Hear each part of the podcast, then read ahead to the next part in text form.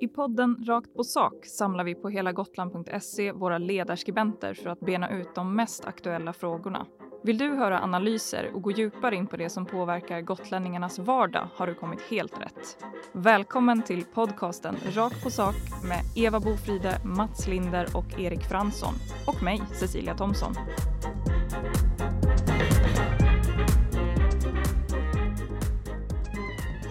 Men så härligt det är att sitta här i poddstudion ännu en gång med eh, Mats Linder, Erik Fransson och Eva Bofride.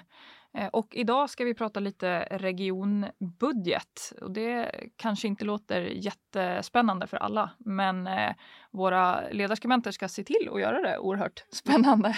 ingen mm. press, ingen press. Men på det senaste fullmäktigemötet så klubbades budgeten för 2023 till 2025 och eh, man konstaterar ju också att det ekonomiska läget vi befinner oss i med prisökningar på det mesta egentligen eh, sannolikt kommer påverka flera av regionens stora planerade investeringar. Är det något så här på rak arm som ni tänker, ja, men det här kommer nog få stryka på foten? Ja, eh, jag är väl angelägen ska jag säga, att man inte skjuter på eh, investeringar, till exempel VA, som ju är eftersatt. Inte bara på Gotland för all del, utan i, i hela Sverige. Man kan inte liksom fortsätta att, att uh, ha VA som inte tillåter nybyggnation och klarar av expansion.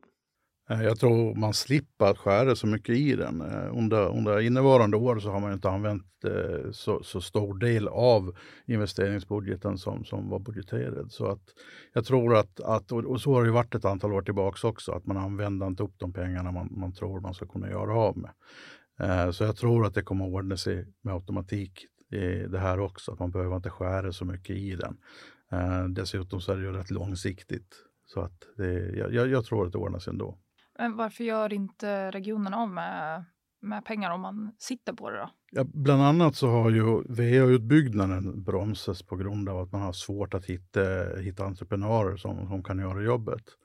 Eh, sen har det varit en del andra problem med, med det också, att, att man kommer inte fram lika fort som man har planerat eh, utifrån att man inte får tillgång till mark och att marken ser annorlunda ut än man kanske trodde från början. och så.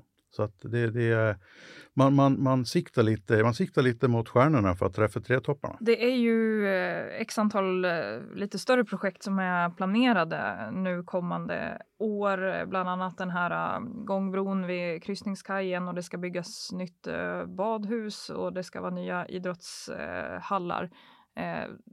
Tror ni att de här är liksom i farozonen eller några av dem? Eller det låter som att ni tror att det, det kommer tuffa på som vanligt om jag hade fått bestämma och om det var någonting som var i farozonen så hade det väl varit just de här grejerna du, du räknar upp, måste jag medge. Eh, jag tycker att det är, om pengarna tryter så är det viktigt att man fokuserar på det som är liksom eh, tillhör regionens basala uppdrag och, och viktig infrastruktur. Uh, och då får väl mer, vad ska man säga, nöjesinvesteringar ehm, stryka på foten. Om du hade fått bestämma, Eva? Om jag hade fått bestämma så hade jag gjort som Mats Linder faktiskt. Att man, eh, jag hoppas att de har en sån prioriteringslista. Liksom att vad som kommer att gå först och eh, eh, vad som är viktigast. Den här bron är ju, förvisso är den väl eh, viktig men den måste i alla fall hamna väldigt långt ner på, på eh, vad vi behöver.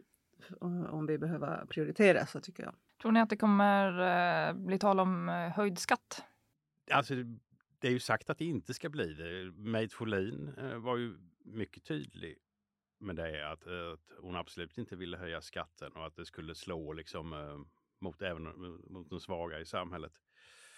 Och jag hoppas att hon står fast vid det. Jag, jag tror inte att det kommer att bli någon, någon skattehöjning heller, om det inte händer någonting riktigt drastiskt. Men då, då lär ju alla kommuner och regioner stå inför samma problem, misstänker jag.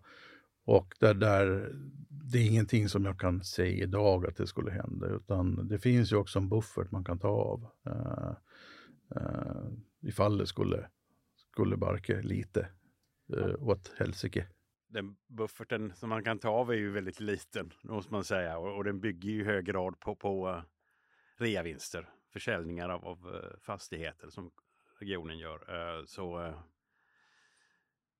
jag kan, tror att det kan bli mycket besvärligt att um, för framförallt Socialdemokraterna men även Moderaterna att, att se till att hålla en, en, eh, en stabil ekonomi i det här läget.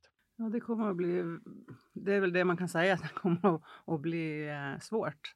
Och vi vet ju ingenting om vad eh, de här två partierna eh, tycker i den här frågan eftersom det är ju möjligt att det finns någonting klart men det är ingenting man har gått ut med hur man ställer sig till hur man ska aktivt arbeta med ekonomin som det står i, i den här överenskommelsen. Så det är väldigt eh, går, eh, alltså om Socialdemokraterna och Moderaterna kommer överens och Moderaterna viker ner sig i skattefrågan, då har man ju en majoritet för det. Men eh, det är ju eh, ja, men det är spännande. Vid senaste fullmäktigemötet så var det ju påfallande att det var en hel rad sådana här tilläggsanslag som fullmäktige hade att behandla. Och jag har en känsla av att det kommer att bli mycket så under, under eh, mandatperioden att man eh, ofta säkert av, av goda skäl, kommer att vilja ha tilläggsanslag men pengarna räcker ju inte till allt. Och prövningen blir väl liksom för den här eh, nya koalitionen hur de klarar av att hantera den situationen. Där finns det väl någon slags olikhet hur, i hur stor utsträckning man tillåter nämnderna eh, gå med underskott eller inte mellan de här två partierna. Ja, det har ju varit så historiskt. Eh, och det ska bli intressant att se under den mandatperioden vilken eh, så att säga, fiskal princip som får råda på det här området. Jag vet inte om det har varit så stor skillnad. Det, det låter mest eh, när, när eh, de olika falangerna är i opposition för att eh, under nuvarande, eller under den mandatperioden som delvis är slut och delvis pågår, eh, så, så har det ju gjorts fler tilläggsanslag, getts fler tilläggsanslag än vad det gjorts under, under många andra mandatperioder. Så att, så att frågan är ju om, om det låter mer eh, när man är i oppositionen än, än, när man är i majoritet. Så att jag tror att, att de flesta har rätt lika syn ändå när det gäller det här, att, att man behöver går sjukvården inte jämnt upp på grund av att det är underfinansierat så, så ska man inte bara stänga sjukhuset för att, för att låta folk vara där. Och det, det är ju där någonstans frågan hamnar. Ska man hålla budget om, om den redan är på väg att missas eller ska man inte göra det? Utan då blir det ju som det blir.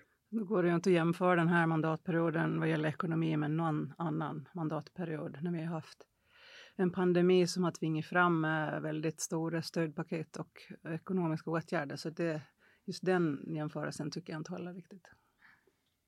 Man är i alla fall inte avundsjuk på de här personerna som sitter och eh, ska göra regionens budget. Verkligen inte. På det här senaste fullmäktigemötet, då, var det någonting annat eh, ni som bevakar eh, detta tycker eh, stack ut eller så? Jag, jag reagerade på att det blev av fysiskt eh, i, i regionens lokaler med tanke på den varning som SMHI hade gått ut med. Orange varning och den snöstorm som, som rådde när de flesta skulle ta sig in. Eh, jag, jag, tycker att här borde man ha en, en, bättre, en bättre ordning. Att, att det ska vara lättare att, att eh, säga att nej, men det, det, är bättre att ni håller hemma än ger ut på vägarna i sånt här oväder. Så, så håller vi det digitalt. För det har man ju provat på under, under pandemin och det har funkat hyfsat bra i alla fall. Ja, jag håller nog faktiskt inte med. Eh, jag tycker att man, man kan inte hålla på och stänga ner hela samhället så fort det snöar. Eh, eh någon slags eh, lite eh, stiff upper lip får man ändå ha. Nu var det ju inte hela samhället som jag tänkte att man skulle stänga ner utan enbart ett möte som skulle hållas digitalt. Och det är väl en viss skillnad tycker jag i alla fall. Eh, nu riskerade man ju liv och lem på, på politiker som gav sig ut i ett oväder som till och med gjorde att en del av dem inte kom fram. Vi ska fortsätta prata lite om eh, just politikerna också för att eh, nu har ju partierna nominerat, eh, Moderaterna och Socialdemokraterna nominerat till ordförandeposterna i nämnderna som blev klart här ganska nyligen. Och de tar ju över först vid årsskiftet. Var det någon sådär som ni reagerade på eller tycker stack ut, någon nominering? Nej, det var väl en ganska förväntad blandning av några rutiner rutinerade personer och några nya.